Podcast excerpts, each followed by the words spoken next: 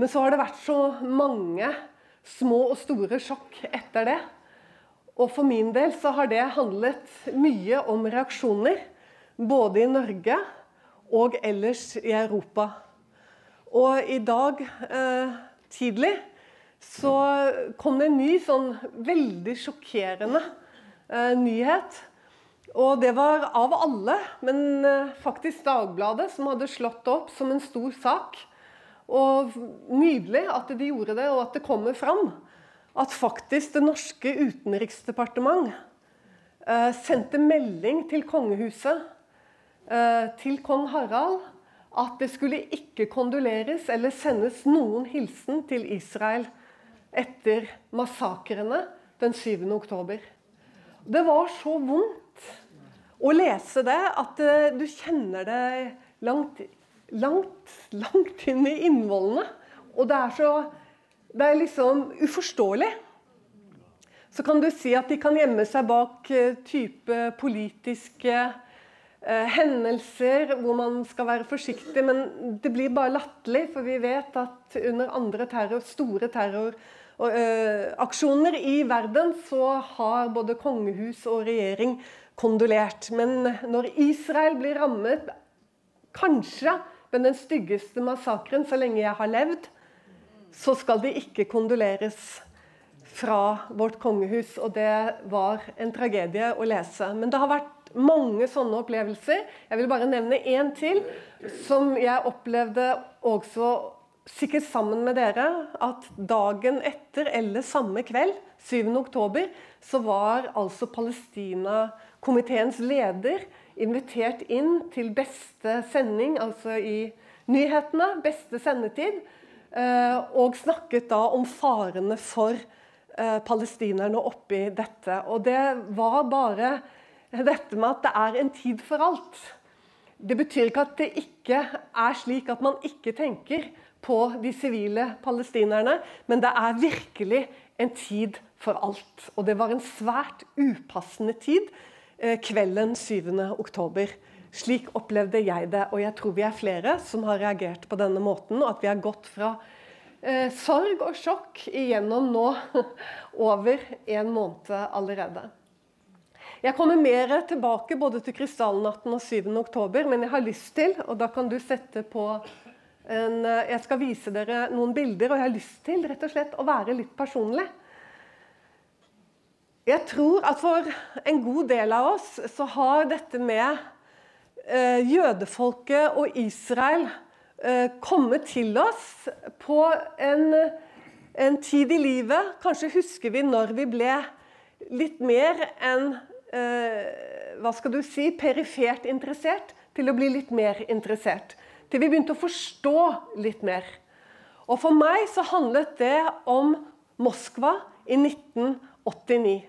Og fordi det er en ganske spesiell hendelse, så tenkte jeg at eh, det ble fint å ta opp det og bruke det både som en personlig inngang, men også for å se noe av dybdene som eh, en fra eh, jordbruksskolen sto her og sa. Å forstå dybdene i dette. Og da er det ganske fint å gå litt tilbake i historien. Her ser dere bildet av Golda Meir. Og så ser dere et massemøte.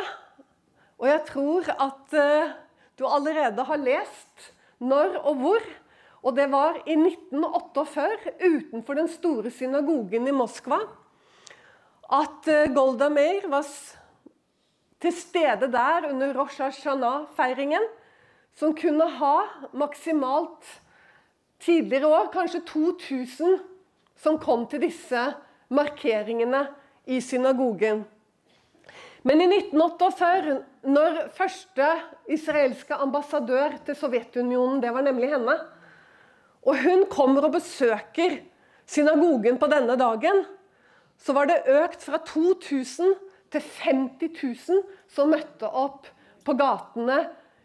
Og hvis du da vet at uh, dette var jo da under Stalins styre, og jødeforfølgelsene de var relativt pågående. Men det de roper til henne når hun står inne i eh, folkemassen der, det er 'Golda, vi lever'. Vi lever, Golda! Og det var ingen selvfølge for henne. De israelske jødene hadde omtrent ingen kontakt med Sovjetunionens jøder på denne tiden. De visste ikke hvordan det sto til med dem. De visste ikke hvorvidt de ønsket fortsatt å identifisere seg som jøder. De visste ikke om de var blitt assimilert, om de var eh, eh, Om de hadde kontakt fortsatt med sitt jødiske opphav og sin jødiske identitet. Men der hadde altså 50 000 samlet seg for å rope 'Vi lever, Golda! Vi lever!' Og Dette var sikkert en gledens Rosh Hashanah-feiring i Moskva, men det varte ikke lenge. Jødeforfølgelsene etter Israels statsopprettelse i Sovjetunionen ble enda verre etter 1948. Og for jødene i Sovjet så gikk de tiår på tiår i møte med svært vanskelige forhold. Noe av grunnen til det var at dette ga en veldig Hva skal du si eh, eh, Ny energi og giv til de sovjetiske jødene. Til deres identitet og ønske om å forlate Sovjetunionen. Og Det ble en voldsom trussel for de sovjetiske myndighetene. Og det var det som også ble årsaken til at forfølgelsene intensiverte veldig. Og allerede på 50-tallet så hadde du flere tragiske situasjoner. Og samme år som Stalin døde, så var det planer om å flytte hele den jødiske befolkningen i Sovjetunionen inn i Sibir. Så, men fordi Stalin døde, så ble ikke dette gjennomført. Det var også arrestasjoner, spesielt av jødiske kunstnere, forfattere og intellektuelle, utover på 50-tallet og 60-tallet. Og da Brezjnev ble president på 60-tallet, så eh, ble det eh, mange eh, ulike angrep mot jøder og restriksjoner for jøder, ettersom flere og flere, spesielt etter 67-krigen, så ble det et veldig trykk av jøder som ville ut fra Sovjet. Og faren bare med å søke utreise var med ditt eget liv i hendene. I beste fall Og det var bare et lite, lite mindretall som fikk innvilget søknaden sin og fikk reise til Israel. De aller fleste visste at en slik søknad ville med stor sannsynlighet innebære at du mistet jobben din. Og i verste fall så endte du i arbeidsleir i Sibir. Så forholdene for jødene utover på 60-tallet og 70-tallet og inn i 80-tallet eh, var svært vanskelige. Eh, de ble eh, hindret i studier, de ble hindret på jobbene sine, de mistet arbeidsplassene sine. Og motstanden inni dette her, eh, den eh, ble jo holdt veldig nede. Men de eh, russiske jødene som hadde emigrert ut av Russland, Sovjetunionen, på begynnelsen av 1900-tallet, rett før revolusjonen og like inn under revolusjonen, som hadde reist til USA, de samlet seg. Og i 87 så var det en massedemonstrasjon i Washington DC med 250 000 demonstranter som ropte eh, om å slippe de eh, sovjetiske jødene ut. Så det ble et kolossalt press på Gorbatsjov, som var president i Russland på den tiden, om å slippe jødene ut. Dette var i eh, høsten 87. Og så kan du ta neste bilde. For det er her det blir litt personlig. Eh, det bildet her er elendig. det, og det er eh, tatt for lenge siden. Og det er tatt på et sted som antageligvis du kanskje aldri har hørt om. Men det er Pusjkinplassen i Moskva. Og dette her, her stedet har vært et sted for protest, for markeringer og for demonstrasjoner i tidligere Russland, Sovjetunionen og tilbake i Russland i dag, så er det det store samlingsstedet for eh, demonstrasjoner og protester. Og det heter Pushkinplassen, og det er fordi det er en stor eh, statue av forfatteren Pusjkin Pushkin som står der. I 1989 så kom jeg til eh, Moskva som eh, russisk student. Jeg skulle på språkskole, jeg holdt på å studere russisk på Blindern i Oslo. Og vi var flere studenter som var der den sommeren. Og vi hadde bare vært der om kanskje et par dager. Og vi var på, på vei hjem fra et teaterstykke midt i sentrum av Moskva og beveget oss sent på kvelden mot metrostasjonen og gikk forbi eh, Pushkinplassen. Så ser jeg og hun som jeg gikk sammen med, vi ser at det er en stor folkemengde som er samlet der. Så nysgjerrige og unge så sier vi til de andre at vi bare skal dra tilbake med T-banen når vi kommer etter. Vi skal først bort og sjekke hva som foregår på Pushkinplassen. Og når vi kommer dit, og de etter hvert merker og flere og flere hører at vi snakker engelsk, og de skjønner at vi er utlendinger Dette var i 89, to år før Sovjetunionen gikk i oppløsning. Så ble det en sånn interesse for alle de som var samlet der til demonstrasjon, som vi ennå ikke visste hva var. At de fant noen kasser som de satte oppå hverandre. Og så spurte de om det var greit at de løftet oss opp på de kassene. Og så stilte de Anne, min medstudinne, på den ene siden, og så tok de meg over på en annen side. Og så sto vi der med noen, ja, kanskje en eh, flokk på noe sånt noe hver. Fordi alle ville høre hva vi hadde å si og fortelle ifra Norge. Og når jeg kommer opp på disse vaklevorne kassene og står og ser alle som er der, så ser jeg at alle mennene har sånne runde små kluter oppe på hodet. Og jeg ante jo ikke hva dette var. Så når de var ferdige å utspørre meg, så spør jeg hvorfor har dere alle sammen sånne rundinger oppå hodet? Og så ble det mye latter og humring i forsamlingen. Og så sier de ofte så roper de opp 'Vi er jøder', sier de. Og så roper jeg tilbake 'Er dere alle jøder?' Ja.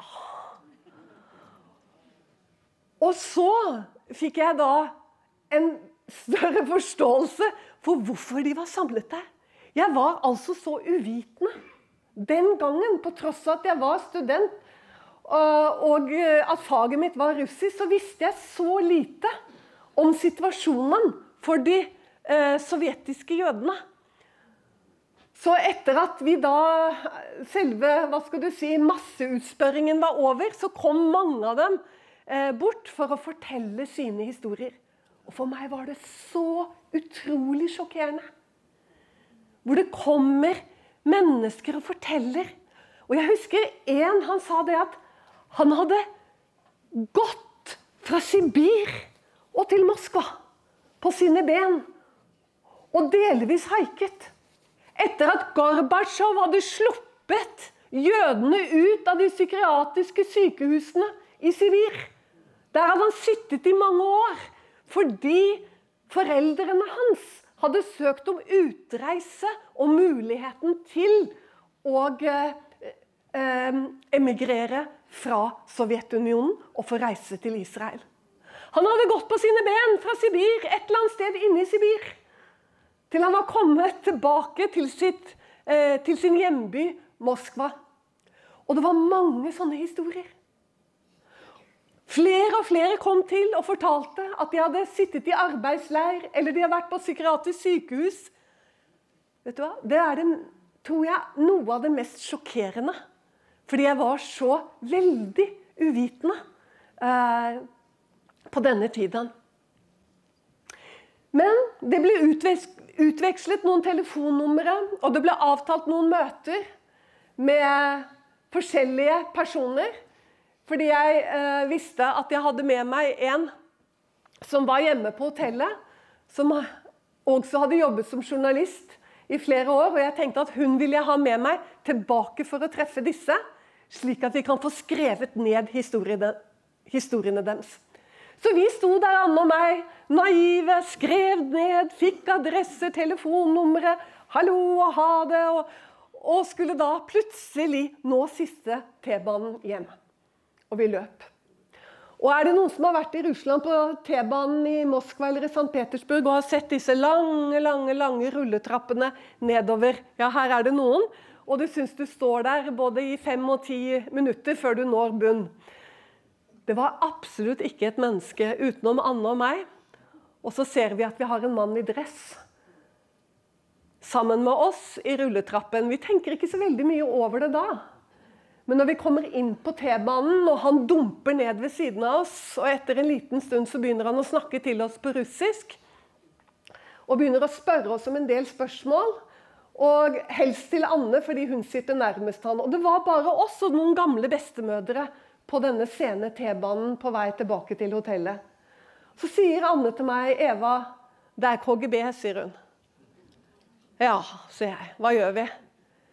Du bare gjør sånn som jeg sier.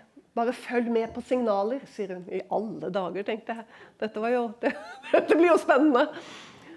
Men alt skjer midt inne i skrammelet fra disse mm, vognene og inni tunnelene. Voldsomt bråk. Og på neste holdeplass så, så eh, er det noen få personer som går ut. Og eh, plutselig så sier Anne 'nå', sier hun, og så reiser hun seg opp og så kaster hun seg ut og så drar hun meg i armen. Og denne mannen, tykke mannen i grå, gress, i, i grå dress, han kaster seg ut etter oss. Og idet han kommer ut på perrongen, så drar Anne meg inn igjen. Og så går dørene igjen. Og der står han, og det er det lengste ansiktet jeg noen gang har sett.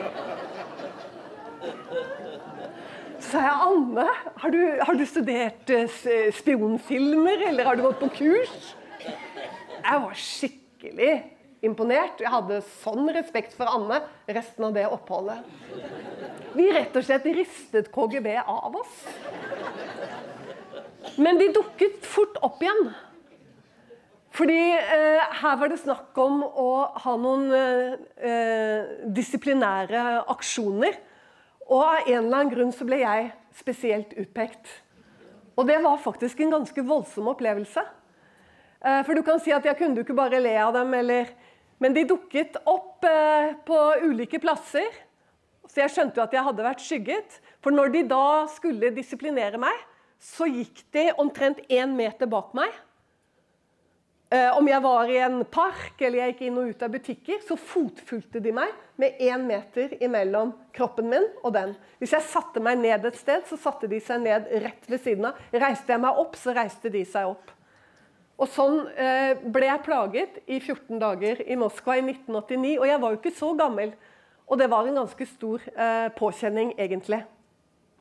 Men ifølge da Steinfeld, William Steinfeld, som tok seg av alle grunnfagsstudentene eh, som kom til eh, Moskva. Han sa det at eh, når du ser dem, da er det ikke så farlig. Da er de bare ute etter å skremme deg. Det er mye verre når du ikke ser dem. Hvis det var noen trøst for meg på den tiden. Men uh, i hvert fall. Vi kan ta neste bilde.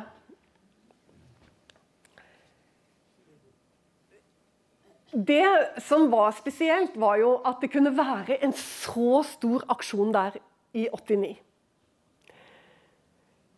Ehm, for vanligvis når jødene hadde en demonstrasjon et eller annet sted i Sovjetunionen, så lignet de mer på dette her. Noen få personer som stilte seg oppe noen plakater før politiet kom og arresterte dem. Hvis du googler på en måte eh, dette og prøver å finne materialet, eh, så finner du veldig, veldig lite. Så at det kunne være så stor markering, selvfølgelig full av KGB til stede, det skjønte vi jo i ettertid. Eh, det var veldig spesielt. Men årsaken til det var jo Gorbatsjov. Fordi bare fem måneder etter at vi var der denne sommeren, så underskrev Gorbatsjov dokumentet som ga jødene tillatelse til å reise ut av Sovjetunionen. Og da kom det store hva skal du si, åpningen fra eh, januar 1990. Hvor det da, det tiåret så kom det titusener på titusener på titusener. Vi må over på hundretusener og hundretusener utover 90-tallet av jøder som reiste ut av, eh, ut av Sovjetunionen. Så det, det var fantastisk. Kan ta neste. Her har du et bilde fra demonstrasjonen i Washington i, i 87. To år før vi var der. Som selvfølgelig også var med på å legge et press på Gorbatsjov. Så det tok to år nøyaktig fra denne demonstrasjonen til Gorbatsjov underskrev og tillot eh, alle jøder eh, utreise. Kan vi ta neste? I ettertid, når jeg kom hjem igjen og hadde på en måte med meg alle disse opplevelsene, alle de tingene som jeg ikke visste noen ting om Det jeg visste om egentlig av jødeforfølgelser på den tiden, det handlet om andre verdenskrig. Det handlet om Nazi-Tyskland, stort sett. Jeg visste minimalt om jødehatets historie og antisemittismen før eh, opplevelsene i Moskva i 1989. Men da begynte jeg å lese, og jeg begynte å sette meg inn i eh, mye stoff, og spesielt det som omhandlet eh, eh Russland før Sovjetunionen, og selvfølgelig også under sovjettiden. Og det store spørsmålet for meg ble hvordan var det mulig? For meg var det så sjokkerende å høre historiene til de sovjetiske jødene. Hvordan var det mulig at russerne igjen kunne behandle jødene så stygt? De som hadde en så fryktelig nær historie med jødeforfølgelser. Og jeg begynte å lese og lese om jødeforfølgelsene, og da spesielt i Russland mellom 1880 og 1920. Under tsar-tiden. Tsar-riket. Og du vet at det var kolossalt. Og hvis du ser på det lilla landemassen på kartet der oppe, så er det Russland per 1880. Og det sluker jo selvfølgelig hele Ukraina. Og det sluker jo Baltikum, og det sluker Polen. Og hvis du tar neste bilde og her har vi det som ble kalt for de bleke bosetninger i Europa. Og det var den tettest hva skal du si, ansamling av jøder i Europa. Og det lå i Vest-Russland. Det lå i det som i dag eh, er Ukraina, Polen og, eh, og Baltikum og vestlige delene av Russland, og også selvfølgelig faktisk ute i Åh, nå står det plutselig helt stille for meg. Der hvor det begynte, okkupasjonen fra russisk side i 2014. Plutselig Krim. Krim, ja. Krim, Ukraina og Baltikum og eh, andre vestlige deler av Russland per i dag. Det var der hvor, de, hvor du hadde egentlig en enorm eh, andel av Europas jøder de bodde i dette området her. Og Mellom 1880 og 1920 så forlot to millioner jøder disse områdene. Hører du hva jeg sier? To millioner jøder reiste ifra disse områdene. Flyktet til USA, til Tyskland og til det som da het det palestinske mandatområdet. Og disse pogromene og overfallene på de jødiske landsbyene i hele dette beltet her, de er så fryktelige. Men jeg vil allikevel anmode dere om å sette dere litt inn i det for å forstå mer av nært, eh, nær historie når det gjelder eh, jødehatet. Fordi Hvis vi skal forstå krystallnatten, f.eks., så må vi kanskje ha med oss dette bakteppet. Fordi svært mange av de som ble rammet eh, natt til 10.11. i 1938, det var jøder som hadde rømt fra dette området pga. drap, ødeleggelse av landsbyer, massevoldtekt av kvinner. De grusomste overgrep. Ja, alle de vi kjenner nå, fra vår tid 7. oktober.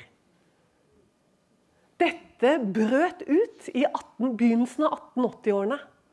Men den ene pogromen det fikk et eget navn. Pogrom som betyr ødeleggelse. Man måtte sette et navn på det fordi de var så hyppige. Vi snakker om hundrevis av sånne overfall i de, denne 40-årsperioden. Egentlig så tror jeg vi skal si 30-årsperioden.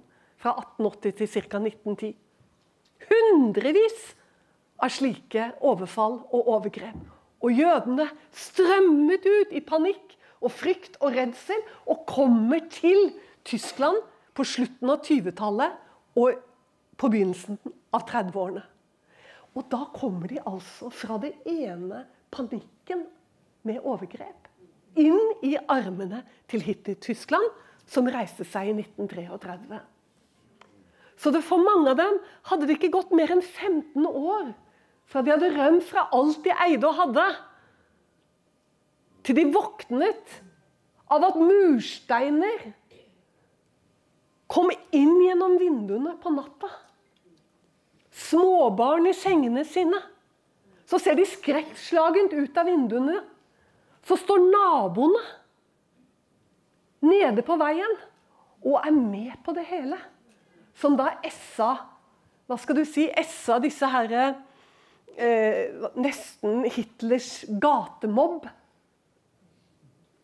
Var med å hause opp Eh, på eh, krystallnatten. Men det fryktelige var jo da at eh, vanlige folk, vanlige tyskere, naboene til alle disse, som hadde levd med dem i kanskje 10 år, kanskje 20 år, nå var med på det.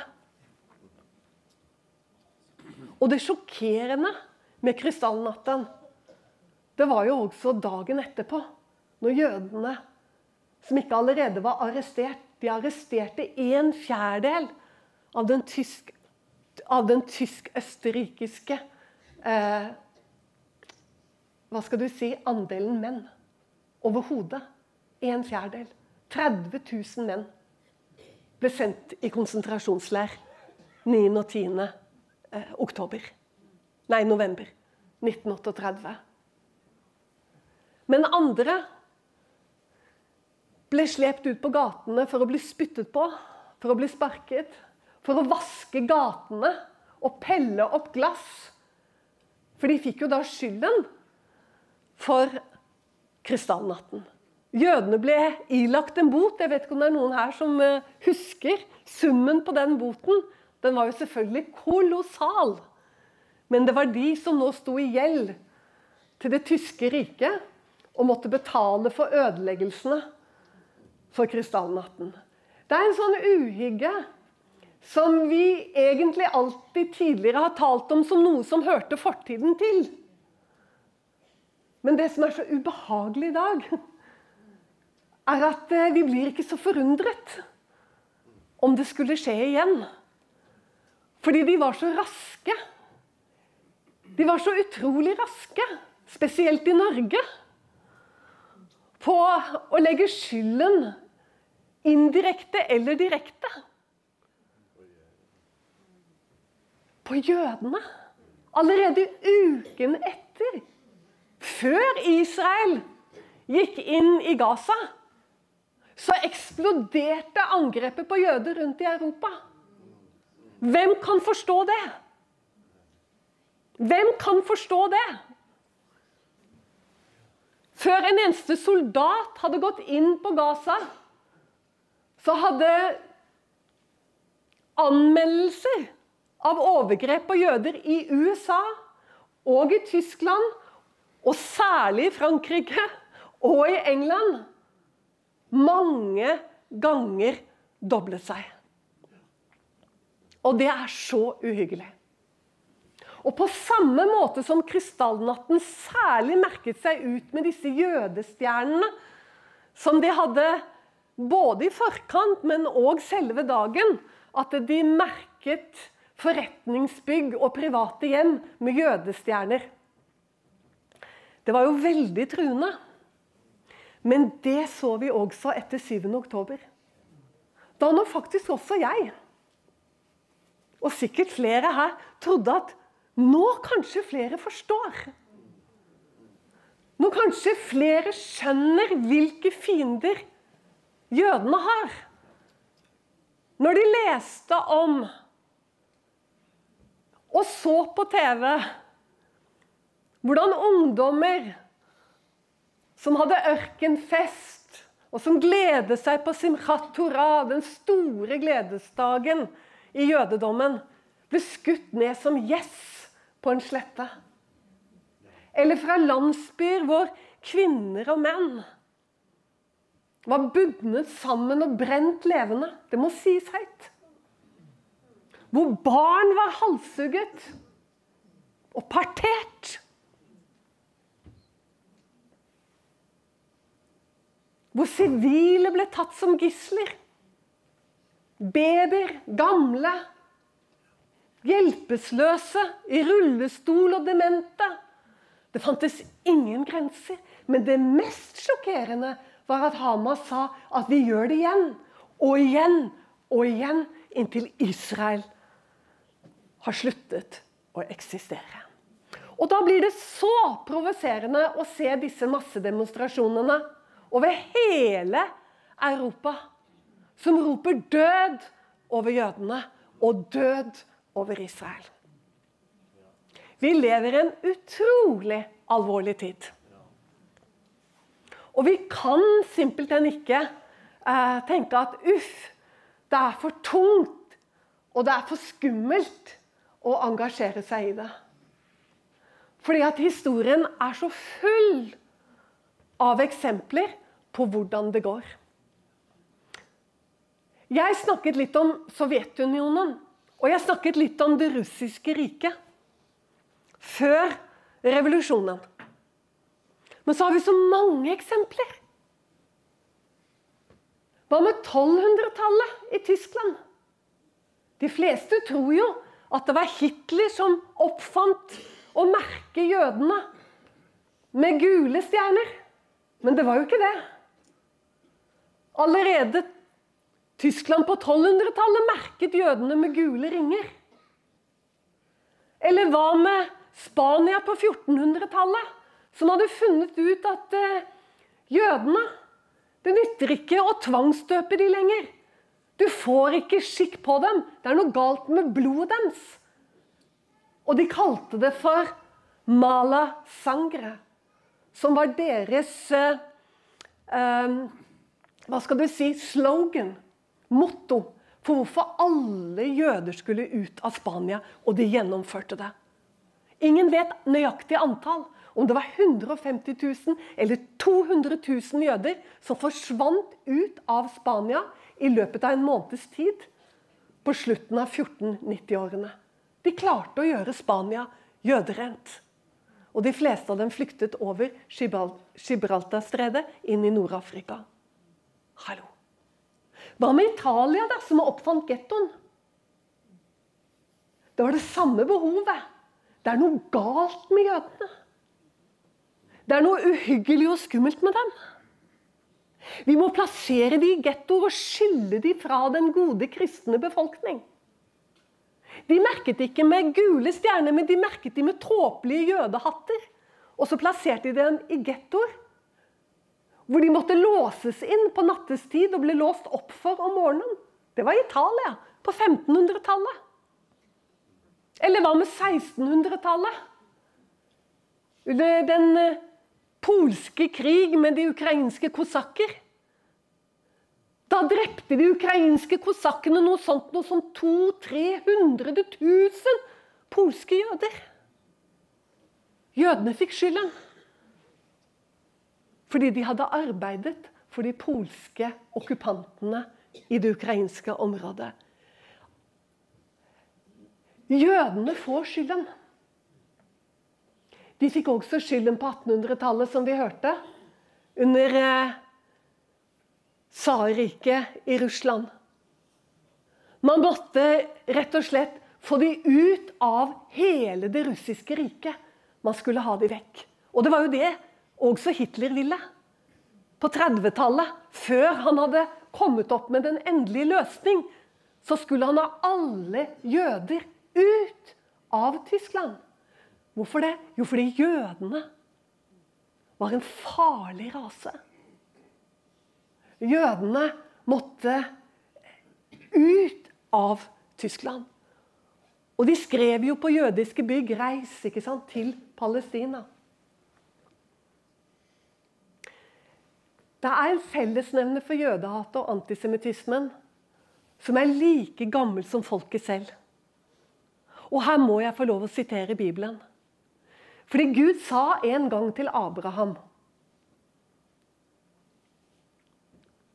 om at det folket han skulle gi dem, skulle være en velsignelse for alle folk og nasjoner. Og det går ikke an å forstå antisemittismen hvis du ikke forstår det i dette lyset. Fordi det er akkurat det motsatte som er fellesnevneren for jødehatet. Og det er at jødene er en forbannelse. Det er det som har vært fellesnevneren, om det var i Italia på 1500-tallet, eller det var Spania på 1400-tallet, eller om det var Tyskland på 1200-tallet, eller korsfarerne på 1000-tallet. Alle sammen hadde samme oppfatning. At jødene var en inhuman rase. Et folk som man måtte sørge for å ha under kontroll. Fordi de ville ha en negativ innflytelse på deres samfunn. Det var det samme i Italia, i Tyskland. Uansett hvilket land du leser historien til når det gjelder jødehatet. Du må få kontroll på jødene. Også i dag så ser du det samme. Jødene rett og slett demoniseres. Det er noe umoralskt med dem og deres krigføring. Jeg vet ikke. Jeg har aldri hørt om en hær som sender ut flyveblad for å fortelle hvor de skal bombe. Det kan godt hende det har skjedd, men jeg har aldri hørt om det. Simpelthen. Jeg har aldri hørt om en hær som ringer opp en hel befolkning og bruker uker på det.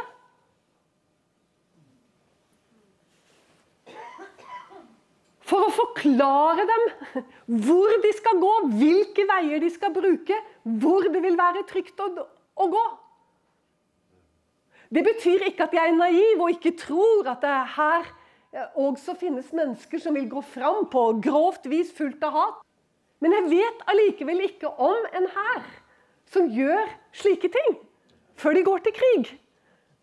Men det jeg enda mindre forstår, det er hvordan det rapporteres i europeiske medier, og da spesielt de jeg kjenner, de norske mediene. For på tross at de vet at Israel gjør dette, så nevner de det kanskje i en bisetning. Men de viser ikke filmene som fins der ute, som også er eh, godkjent av israelske myndigheter. At de er korrekte. Slik at hvis du er en ivrig journalist, så kunne du sjekket at det stemte. De sto der og der. De var nettopp der for å hindre dem og tvinge dem tilbake igjen og inn i Gaza by. Det er jo selvfølgelig ikke et menneske som ikke gråter over alle de barna som nå dør på Gaza. Det er rystende å være vitne til. Det er rett og slett rystende å være vitne til. Og det mest rystende er at det hadde vært unødvendig. Den som har lyst til å vite litt mer om det, kan gå til Dagen, Dagens Dagen, avisen, og lese min mann Erlend Sundar sin artikkel om hvorfor dør det så mange sivile på Gazastripen. Den kom inn i dag, og jeg råder deg til å lese den. Der får du all dokumentasjon. Men hvem ønsker egentlig å tro at man lever i en så rå verden? Men følg med nå. Jeg er likevel ikke naiv. Jeg tror også at iblant dem så er det også flyktninger som uansett ikke hadde klart å flykte. Som må være igjen. Kanskje har de en funksjonshemmet barn. Kanskje har de noen på sykehus. Kanskje er de selv ikke i stand til å ta den lange veien sydover. Og som blir ofre for bombing. Vi forstår det, at bildet er nyansert. Men jeg sier deg likevel at hundrevis av disse barna de er ofret for hatet mot Israel. Fordi de vet at bildene er gull verdt i verdenspressen. Fordi for hver barn som kommer på forsiden i våre medier, så øker hatet mot jødene over hele verden. Og Israel vet dette. Og det har hindret dem år etter år etter år siden 2005 å gå inn og ta oppgjør med Hamas. De har visst at for hver bombetokt over noen dager som slutter, så vet de at det går noen år, og så er det på'n igjen. De vet at de kommer ingen vei. Det blir ingen slutt på det. Men de har ikke kunnet gjøre det fordi de vet hva disse menneskene er i stand til. Og nå kommer det opp for oss alle hvor grusomt det er.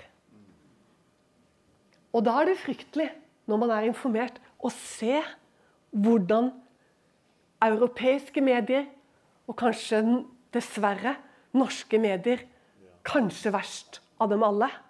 Jeg var selv journaliststudent jeg vil bare avslutte med det.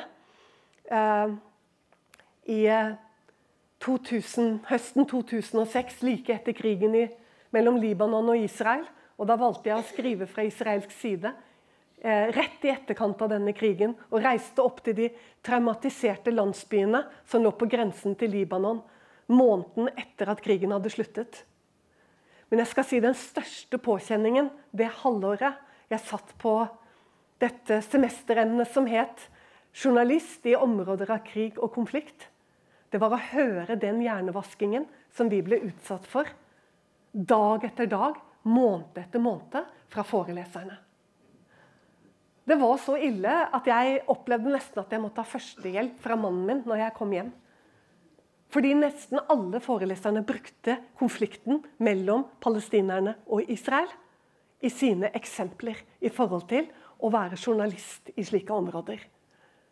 Og da fikk jeg kjenne på dette hva det kan koste. Hva det kan koste faktisk bare å stille et spørsmål. Og til slutt så vil jeg si til deg Mange tenker 'hva kan jeg gjøre?' Men vet du, bare å bruke din visdom, hvis du har litt visdom, og det har du, for du er her i kveld og det er å bruke muligheten til å ringe. Det er ingenting som er mer plagsomt for NRK, TV 2 og eh, VG og de ulike avisene. Det er de som ringer, og de som skriver. Det er veldig plagsomt. Og de må gjøre noe med det. De kan ikke ignorere det. Så fortsett å gjøre det, og vær alltid høflig. Vær alltid skarp. Og vit alltid hva du snakker om når du gjør det. Så det er håp. Det er håp så lenge vi ikke tenker at nei, dette er for voldsomt. Men det mørket av uvitenhet og hat, det er det egentlig en ære å få lov til å reise seg opp imot. Så hver av oss, vi er et lite lys der hvor vi er. Det er ærefullt å få lov å gå mørke og løgn imot med frimodighet. Tusen takk for meg.